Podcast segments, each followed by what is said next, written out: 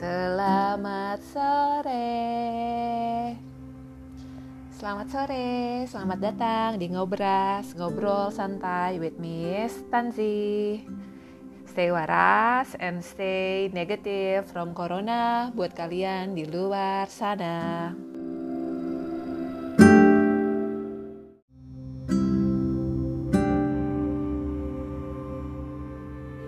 Baiklah, untuk podcast yang episode kali ini gue akan ngebahas tentang forgiveness. Jeng jeng jeng.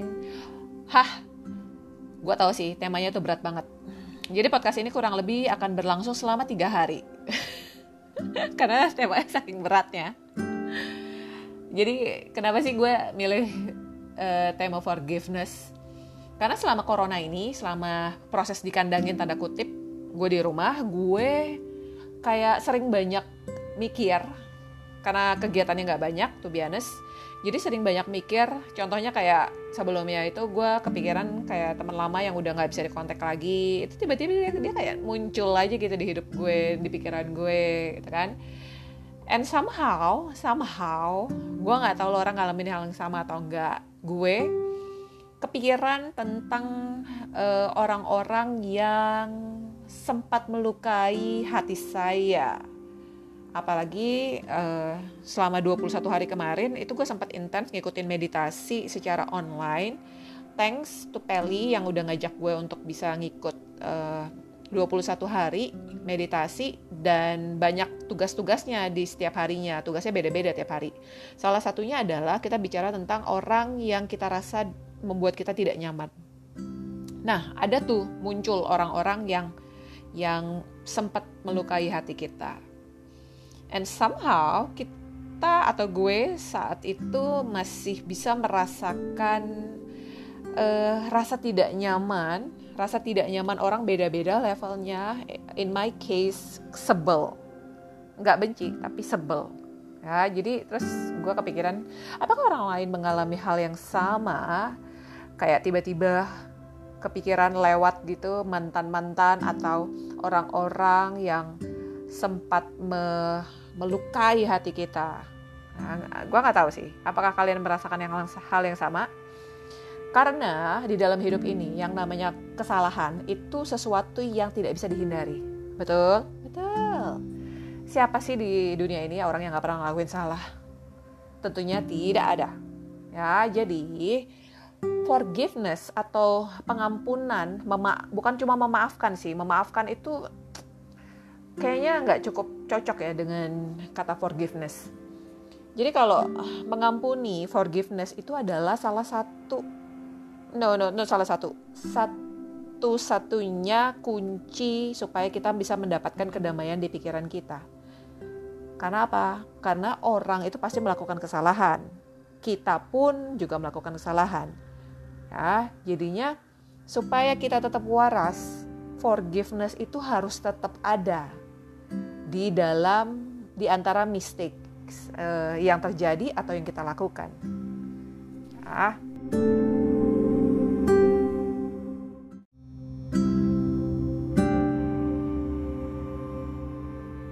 Saat kita bicara tentang forgiveness, kita bicara tentang ini ya, gue yakin deh kita tuh banyak banget orang-orang yang lewat di hidup kita atau bahkan masih di hidup kita itu meninggalkan bekas luka. Pasti. Pasti. Nggak mungkin nggak. Boleh itu orang tua ayah ibu kakak adik sepupu paman pacar mantan whoever lah ya. Siapa pun itu orangnya pasti ada yang melukai hati kita atau malah kita baru saja dilukai atau kita malah melukai itu wajar banget. Tapi sekarang banyak orang yang uh, tidak bersedia untuk mempraktekkan yang namanya forgiving. Ada juga yang tidak bisa untuk saat ini memaafkan atau mengampuni. Well, kalau dari sisi psychological view, yang namanya praktek forgiveness ini atau forgiving ini itu merupakan salah satu bentuk defense mechanism yang sebenarnya uh, membuat kita menyalahkan orang lain atas situasi yang tidak mengenakan. saat kita tidak memaafkan, sebenarnya kita nyalahin orang lain, betul ya? Nah, saat kita nyalahin orang lain, sebenarnya itu adalah salah satu bentuk defense mechanism. Oh, itu salah dia. Oh, itu salah dia. Gitu loh. Dan kita memilih untuk untuk terus berpikir seperti itu. Makanya kita susah move on. Nah, kalau kita bicara tentang masalah forgiveness, itu bukan cuma masalah kita membiarkan hal yang sudah terjadi lewat. No. Jadi banyak banget orang yang kayak ya udah lewat lah ya, ya udahlah ya nggak usah dibahas. Uh, itu bukan salah satu statement yang menandakan kalau orang itu sudah mengampuni loh. Belum tentu. Orang ngomong kayak gitu tuh belum tentu dia tuh ikhlas. Ngerti gak sih? Karena saat kita bicara tentang masalah forgiveness, kita bicara prosesnya menerima kalau hal itu sudah terjadi dan sudah tidak bisa diubah. Ngerti gak sih? Jadi udah tidak ada ruang lagi untuk berandai-andai andai dia begini, andai gua nggak begini, no. Kalau kalian masih seperti itu, kalian berarti masih ada ruang untuk tidak terima. Ya, dan kita memilih untuk uh, secara penuh, sepenuh hati memaafkan dan itu punya sifatnya membebaskan. Itu adalah kata kunci yang paling penting. Saat kita memaafkan orang lain, harus bisa merasakan sensasi terbebas. Nah, saat terbebas ini, itu yang agak agak rancu. Orang tuh harus hati-hati sekali saat kita ngerasa bebas. Karena kalian punya gak sih teman yang kayak misalnya sebenarnya dia belum maafin aja, masih sakit hati, cuma sifat dia jadinya dua. Antara satu denial, denial kayak enggak kok, enggak kok gue baik-baik aja, enggak kok, kayak nggak bisa terima secara halus kayak ah, enggak everything is fine, everything is fine. Atau yang kedua malah avoidance, udahlah nggak usah dibahas. Udahlah nggak usah dibahas. Udahlah nggak usah dibahas. Nggak kok nggak nggak marah nggak gitu. Nah orang bisa muncul seperti itu. Nah saat orang ngomong seperti itu itu kan ada sensasi ada kesan tidak completely free orang tersebut kenapa karena lu lari terus jadi nggak dihadapin kabur lari udah kayak belut aja jadi inget ya yang namanya maafin itu kita bisa terima masa lalu yang sudah lewat sudah tidak bisa diubah. Kemudian kita bisa terima dengan sepenuh hati dan itu punya sifat yang membebaskan kita.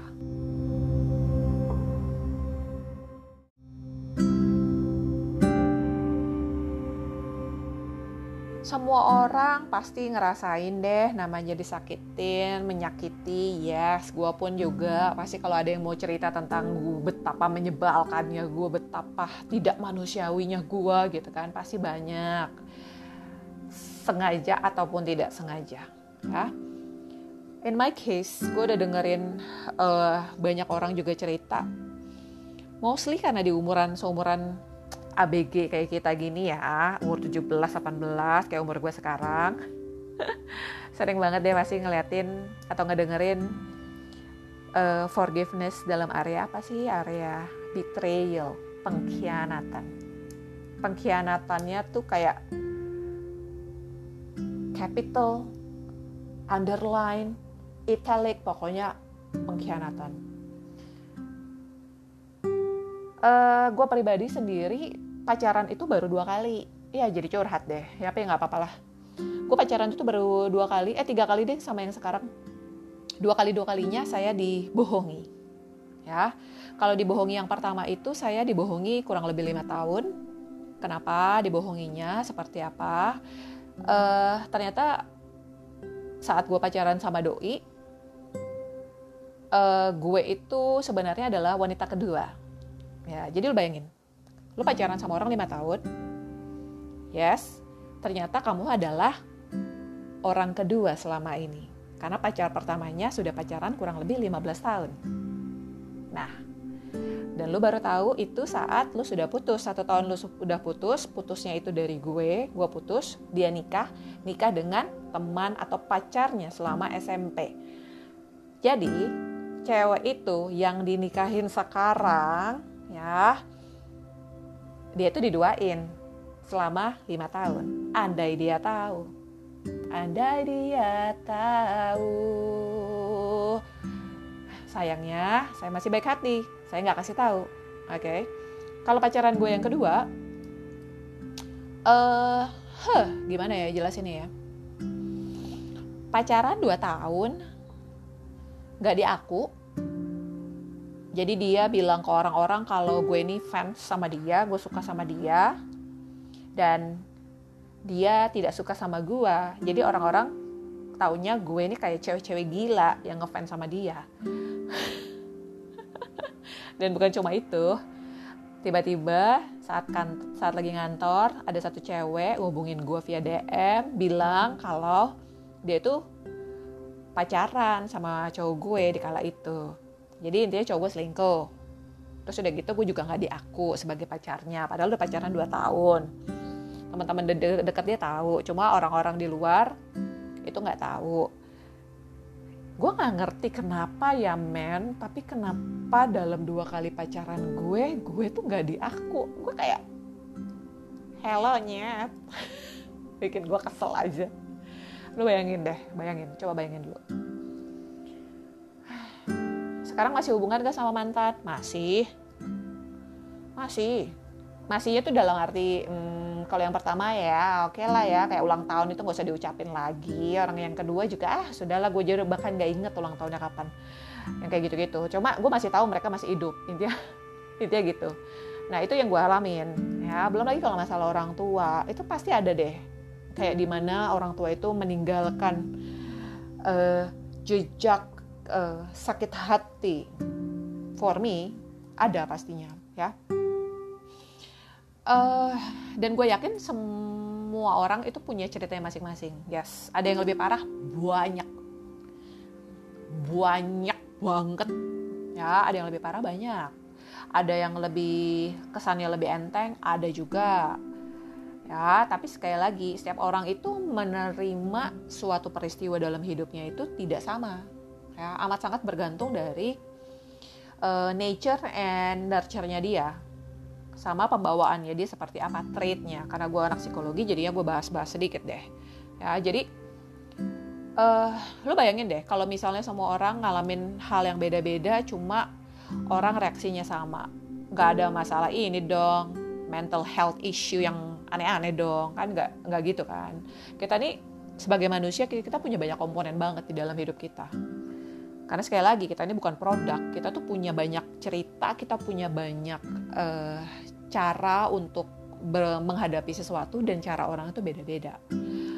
Nah forgiveness ini kita bicara tentang uh, proses mengampuni kan.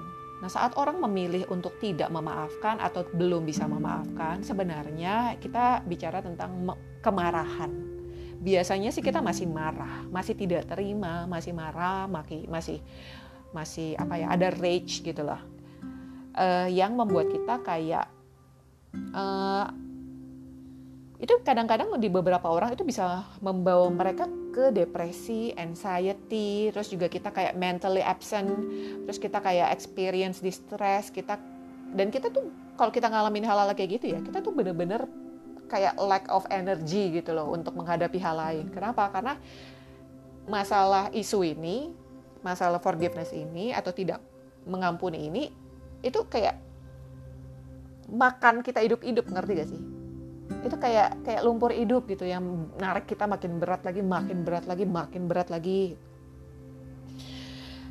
banyak orang yang ngalamin atau menghadapi masalah ini itu dengan caranya yang berbeda-beda ada orang yang udah deh gue ya tadi gue bilang denial lah ada yang avoidance lah ya udah deh kerja aja kayak orang gila gitu ya untuk apa supaya gue bisa mati gue mati rasa nih gue udah nggak kepikiran lagi nih kerja aja mati-matian kayak overwork to avoid uh, feeling pain. Terus juga ada yang kayak imun sistem kita tiba-tiba kayak drop. Terus juga kita munculin yang namanya isu-isu kesehatan udah pasti gengs, udah pasti.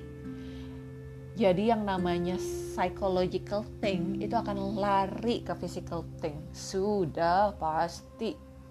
Jadi buat gue sebagai seorang pengajar yoga bukan cuma ngomongin asana aja ya atau pose ya, tapi bicara tentang masalah meditation is something that is really important for me. Walaupun gue nggak yang expert banget untuk meditasi, tapi cobain deh meditasi untuk bisa uh, setidaknya melihat sesuatu lebih jelas karena di saat kita meditasi itu kita sebenarnya dihadapkan dengan emosi yang kita rasain gitu loh. Kita berusaha untuk jujur, kita nggak kabur. Kalau misalnya orang di luar sana tuh banyak yang kabur ke sana ke sini ke sana sini, tapi saat lu duduk diem, tidak buka mata atau buka mata gitu ya. Kalau gue sih lebih gampang tutup mata. Itu pikiran tuh akan datang. Tanpa lu undang itu akan datang. Gitu loh. Dan di saat itu kita tuh pelan-pelan berhadapan, pelan-pelan kenalan dengan rasanya, dengan emosinya. Tiba-tiba yang nggak kepikiran bisa bisa datang muncul tiba-tiba. Nah, seperti itu tuh. Jadi buat gue meditasi itu membantu sekali.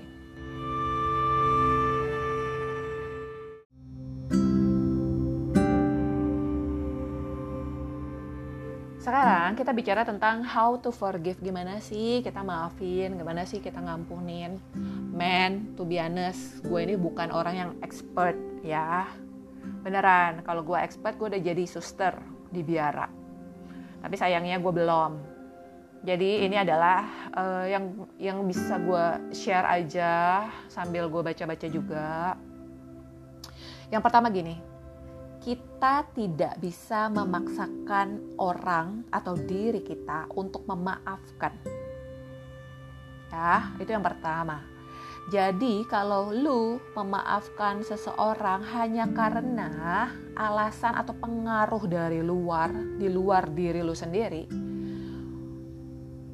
itu sih kayaknya lu akan rasain itu adalah greater resentment. Jadi ya yang ada itu malah sebaliknya efeknya. Misalnya nih, apa sih external influences misalnya kayak religious. Oh ya, kan di agama lu ngajarin gini gini gini. Sudahlah. Kan di agama itu diajarin gini-gini. Damn, gue paling benci banget kalau orang ngomong kayak gitu agama agama agama. Agama itu seolah-olah hitam putih, ngerti gak sih lo? Kadang-kadang gue tuh uh, wah gue jadi emosi deh maksudnya gini jangan gue ngerti deh ngerti sih ajaran agama itu kan baik ya tapi kalau itu yang menjadi alasan utama lu untuk memaafkan seseorang secara tanda kutip terpaksa yang lo akan alami adalah resentment. Malah malah bukan peace yang atau kedamaian yang bakal lu lu terima gitu loh. Otak lu mungkin ngerti oke okay, gue harus begini oke okay, gue harus begitu oh ya gue harusnya begini. Otak ya. Tapi kalau ngomongin hati itu beda lagi jadi sebisa mungkin yang pertama adalah lu bener-bener menginginkan hal ini untuk siapa untuk diri kita sendiri memaafkan atau mengampuni itu untuk siapa? Diri kita sendiri, bukan karena orang lain, bukan karena harus, bukan karena situasi, bukan karena community. No. Ya. Dan semua orang itu punya waktunya yang berbeda-beda loh. Arti gak sih? Ada orang yang api kemarahannya itu tinggi banget, gede banget gitu loh. Belum siap nih untuk maafin. It's okay ada orang yang dilukain keluka nih tapi baru lukanya gimana bisa lu harapin dia sembuh secepat itu ya it's okay ngerti gak sih yang namanya forgiveness should not be rush jadi jangan itu tidak seharusnya hal yang mudah ya. Lu bayangin kalau forgiveness itu semudah itu nggak ada neng. Tuntut-tuntutan di pengadilan ya. Beres semuanya. Kan enggak jadi forgiveness itu memang prosesnya tidak mudah, itu harus diterima. Ya, dan yang itu tadi, lu harus menginginkan ini untuk diri lu sendiri. Ini bukan ngomongin kalau gue maafin dia bakal gini dong, dia bakal menang dong, dia bakal inilah. Saat lu masih berpikir seperti itu, you're not ready yet. Intinya gitu loh. Ya, jangan pernah merasa bersalah karena lu belum memaafkan nggak harus ya selama lu sadar konsekuensinya apa kalau lu uh, menahan emosi atau kemarahan yang sedemikian besar it's okay yang penting lu sadar dulu Right? Tapi jangan merasa bersalah kalau lo belum maafin. No, nggak ada yang bisa ngejar-ngejar lo atau buru-buruin lo kok.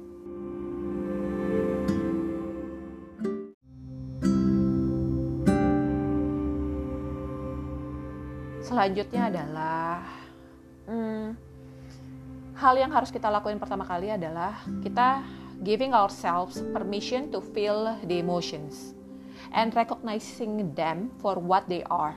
Jadi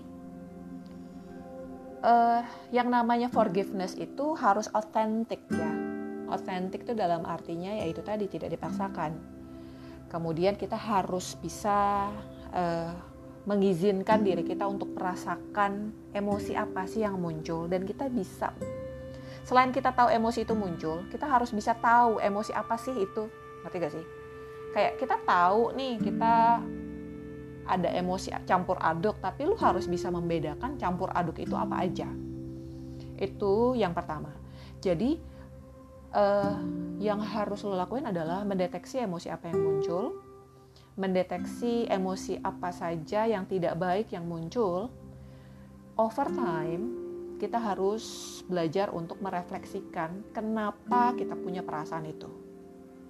Jadi penting banget untuk kita misalnya contohnya me menulis apa aja sih emosi yang kita rasain. Ya, kemudian apa saja sih yang udah kita korbankan saat proses itu terjadi? Apa aja sih yang lu eh, kehilangan yang lu rasain saat itu terjadi? Catat aja dulu. Supaya apa? Karena mencatat itu sebenarnya membuat kita pikiran kita tuh dipaksa untuk menuangkan dalam bentuk tulisan ya kalau selama ini kita kayak kabur kabur kabur sekarang itu kayak oke okay, lu harus tulisin lu harus tulis. Lu nggak bisa cuma berandai-andai nggak bisa ngawang-ngawang aja lu harus tulis. Nah kayak gitu loh. Jadi kita nggak bisa cuma bilang ada ada isu nih cuma lu nggak bisa jelasin isunya apa no. Jadi harus kenalan dulu sama emosinya dan lu uh, bisa merefleksikan kenapa sih lu punya perasaan itu? Kita bisa aja bilang oh ya I I have officially forgiven someone tapi selalu ada simptom yang muncul nih. Saat saat kita belum benar-benar ternyata kita belum benar-benar maafin nih misalnya. Kita bisa aja nih misalnya ya kita punya masalah dengan orang tua isu dengan our parents for abusing misalnya ya. Kita kita mungkin nggak nggak berhadapan langsung ngerti gak sih dengan hal itu kita mungkin ngerasa kalau ya udahlah itu kan masa kecil atau apa tapi saat kalian gede kalian maybe uh, for some people mereka malah bikin jarak dengan orang lain from romantic relationship because we don't want to face the sort of abuse uh, modeled by our parents gitu loh jadi kita saat uh, saat berjalannya waktu kita malah menjaga jarak nih sama orang lain. Kenapa? Karena kita kepikiran dengan masalah orang tua kita. Gitu loh. Jadi sebenarnya kita belum belum ada yang namanya yaitu tadi kita belum bisa ngerasain yang namanya freedom yet gitu loh. Kita masih jadi tahanan dari emosi kita. Walaupun situasinya bisa aja beda.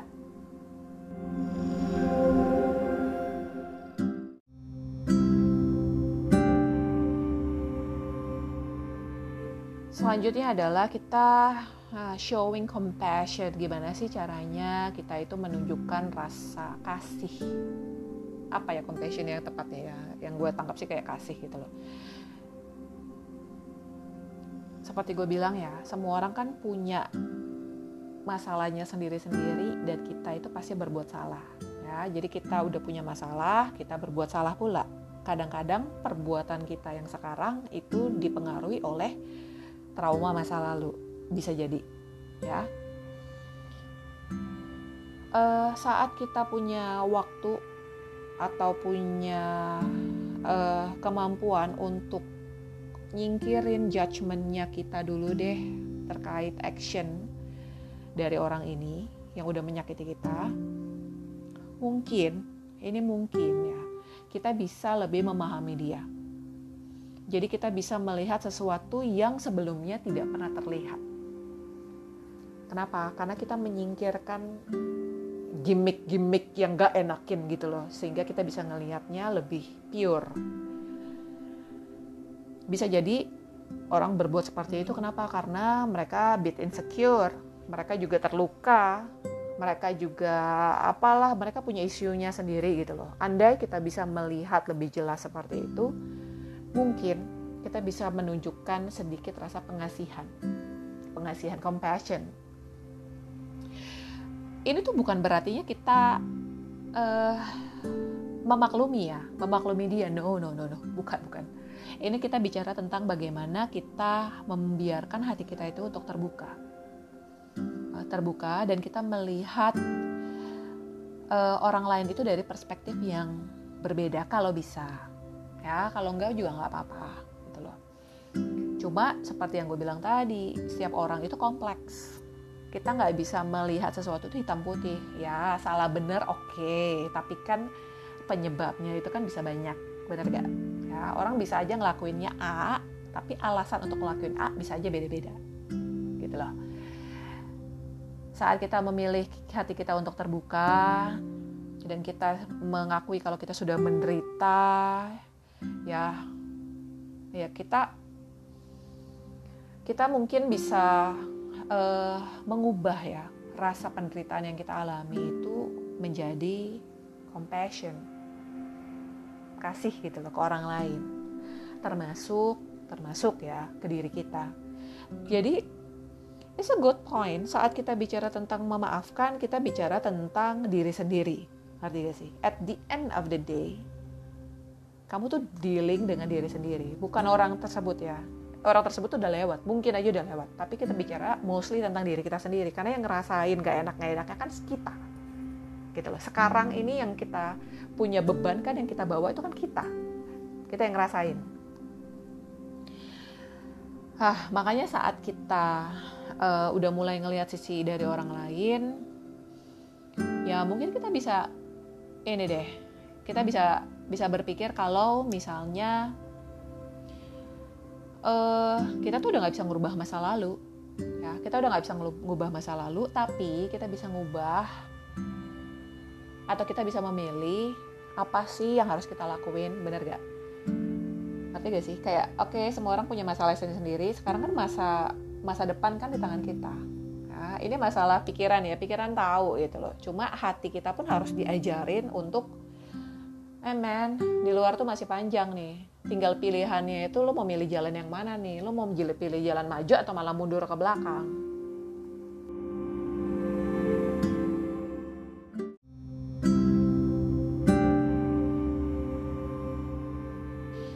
jadi sebenarnya teori-teori tentang memaafkan, mengampuni, aduh di agama kita juga diajarin, benar gak? Nah, gue sebenarnya susah juga nih kayak ngebahas tema-tema yang kayak gini. Cuma kalau gue sendiri ngelihat kalau pertama adalah coba deh dikenalin dulu aja emosinya itu dulu. Dari situ lo observasi kemudian lo coba evaluasi kemudian juga lo coba pikirin kemudian coba ngelihat kejadian yang sama dengan kacamata yang sedikit berbeda kemudian juga lo ingat kalau kita nih semua nih orang kita humans after all. Humans make mistake. Mistake-nya apa sih? Banyak banget. Saat orang bersalah tidak ngaku salah itu sebenarnya juga mistake. Dan kadang-kadang itu yang lebih lebih nggak bisa kita terima bener kan? Udah salah nggak ngaku lagi. Tapi men kalau semua orang salah ngaku ya hidup nggak akan sesusah ini gitu loh. Tidak tidak akan semenarik ini bener gak sih? Jadi buat kalian di luar sana yang sedang berjuang menghadapi masa lalu kalian yang masih belum kelar it's okay take your time. Gak usah buru-buru. Gak usah buru-buru. Kalau kalian masih struggling nggak apa-apa. Yang penting kalian sadar kalau kalian belum maafin ya kalau kalian merasa uh, berbicara dengan orangnya akan membuat kalian lebih baik, silakan. Tapi hati-hati, ngobrol sama orangnya malah bikin lebih sakit hati. In some cases, ya itu sih menurut gue kita yang tahu terbaik lah. Kadang-kadang ada hal-hal yang perlu dikonfrontasi, ada hal-hal yang nggak perlu dikonfrontasi, gitu loh. Dan kalau menurut gue semua orang pada dasarnya buat kesalahan ya. Saat semua orang bikin kesalahan kita itu pasti hmm, ngerasain proses ini nggak akan cuma sekali gitu loh. Kita maafin sekali nextnya ke depan pasti ada yang berbuat lagi gitu loh. Nggak doain sih cuma kan ya kemungkinan seperti itu. Belum lagi uh, perjalanan kita dalam men, men, uh, melewati kehidupan gitu kan tuh masih panjang. Insya Allah masih panjang gitu ya. Jadi kebayang gak sih kalau kita sekarang aja udah bawa excess baggage emotional baggage gitu loh. Sekarang aja kita udah berat banget nih. Nanti ke depannya mau gimana? Coba gimana kita bisa survive gitu loh.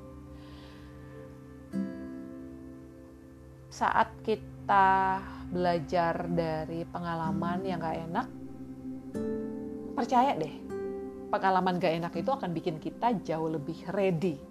Arti gak sih? Lebih baik lagi untuk handle untuk cope all the stress all the events yang yang menyebalkan atau tidak mengenakan atau menyakitkan. Ya. Gue yakin kita seperti itu kok. For me in my case pacaran sekarang udah tiga kali dua kalinya kayak gitu well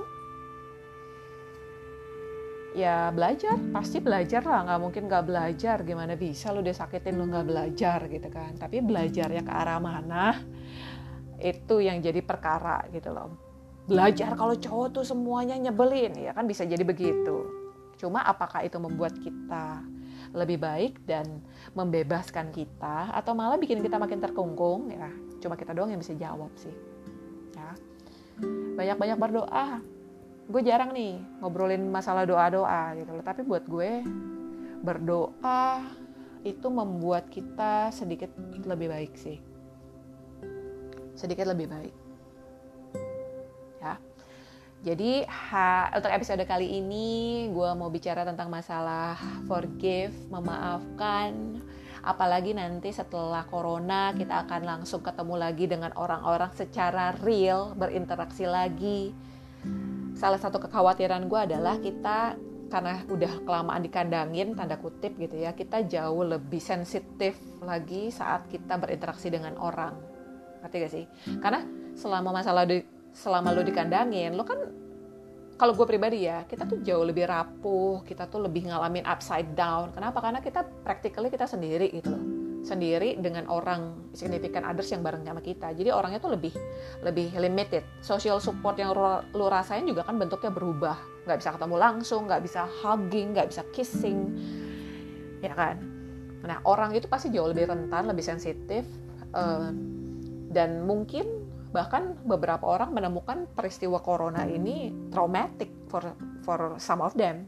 Jadi saat orang-orang seperti itu atau kita keluar ketemu dengan orang lain kita harus hati-hati gitu harus hati-hati dalam jaga diri kita untuk kita tuh lebih lebih kuat secara emosi. Itu sih yang paling penting. Karena saat kita udah mulai ketemu orang lagi ya pasti gesekan-gesekan ada. Pasti hal-hal nyebelin-nyebelin sial-sial gitu pasti ada gitu kan Nah itu sih, itu yang menjadi salah satu kekhawatiran gue. Jadi buat kalian di sana, semoga podcast kali ini membantu kalian untuk coba deh dipikiran lagi siapa sih orang yang masih belum kita bisa maafin.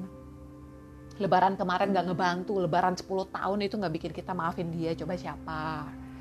Terus uh, udah berapa lama kita seperti ini sama dia atau sama beliau.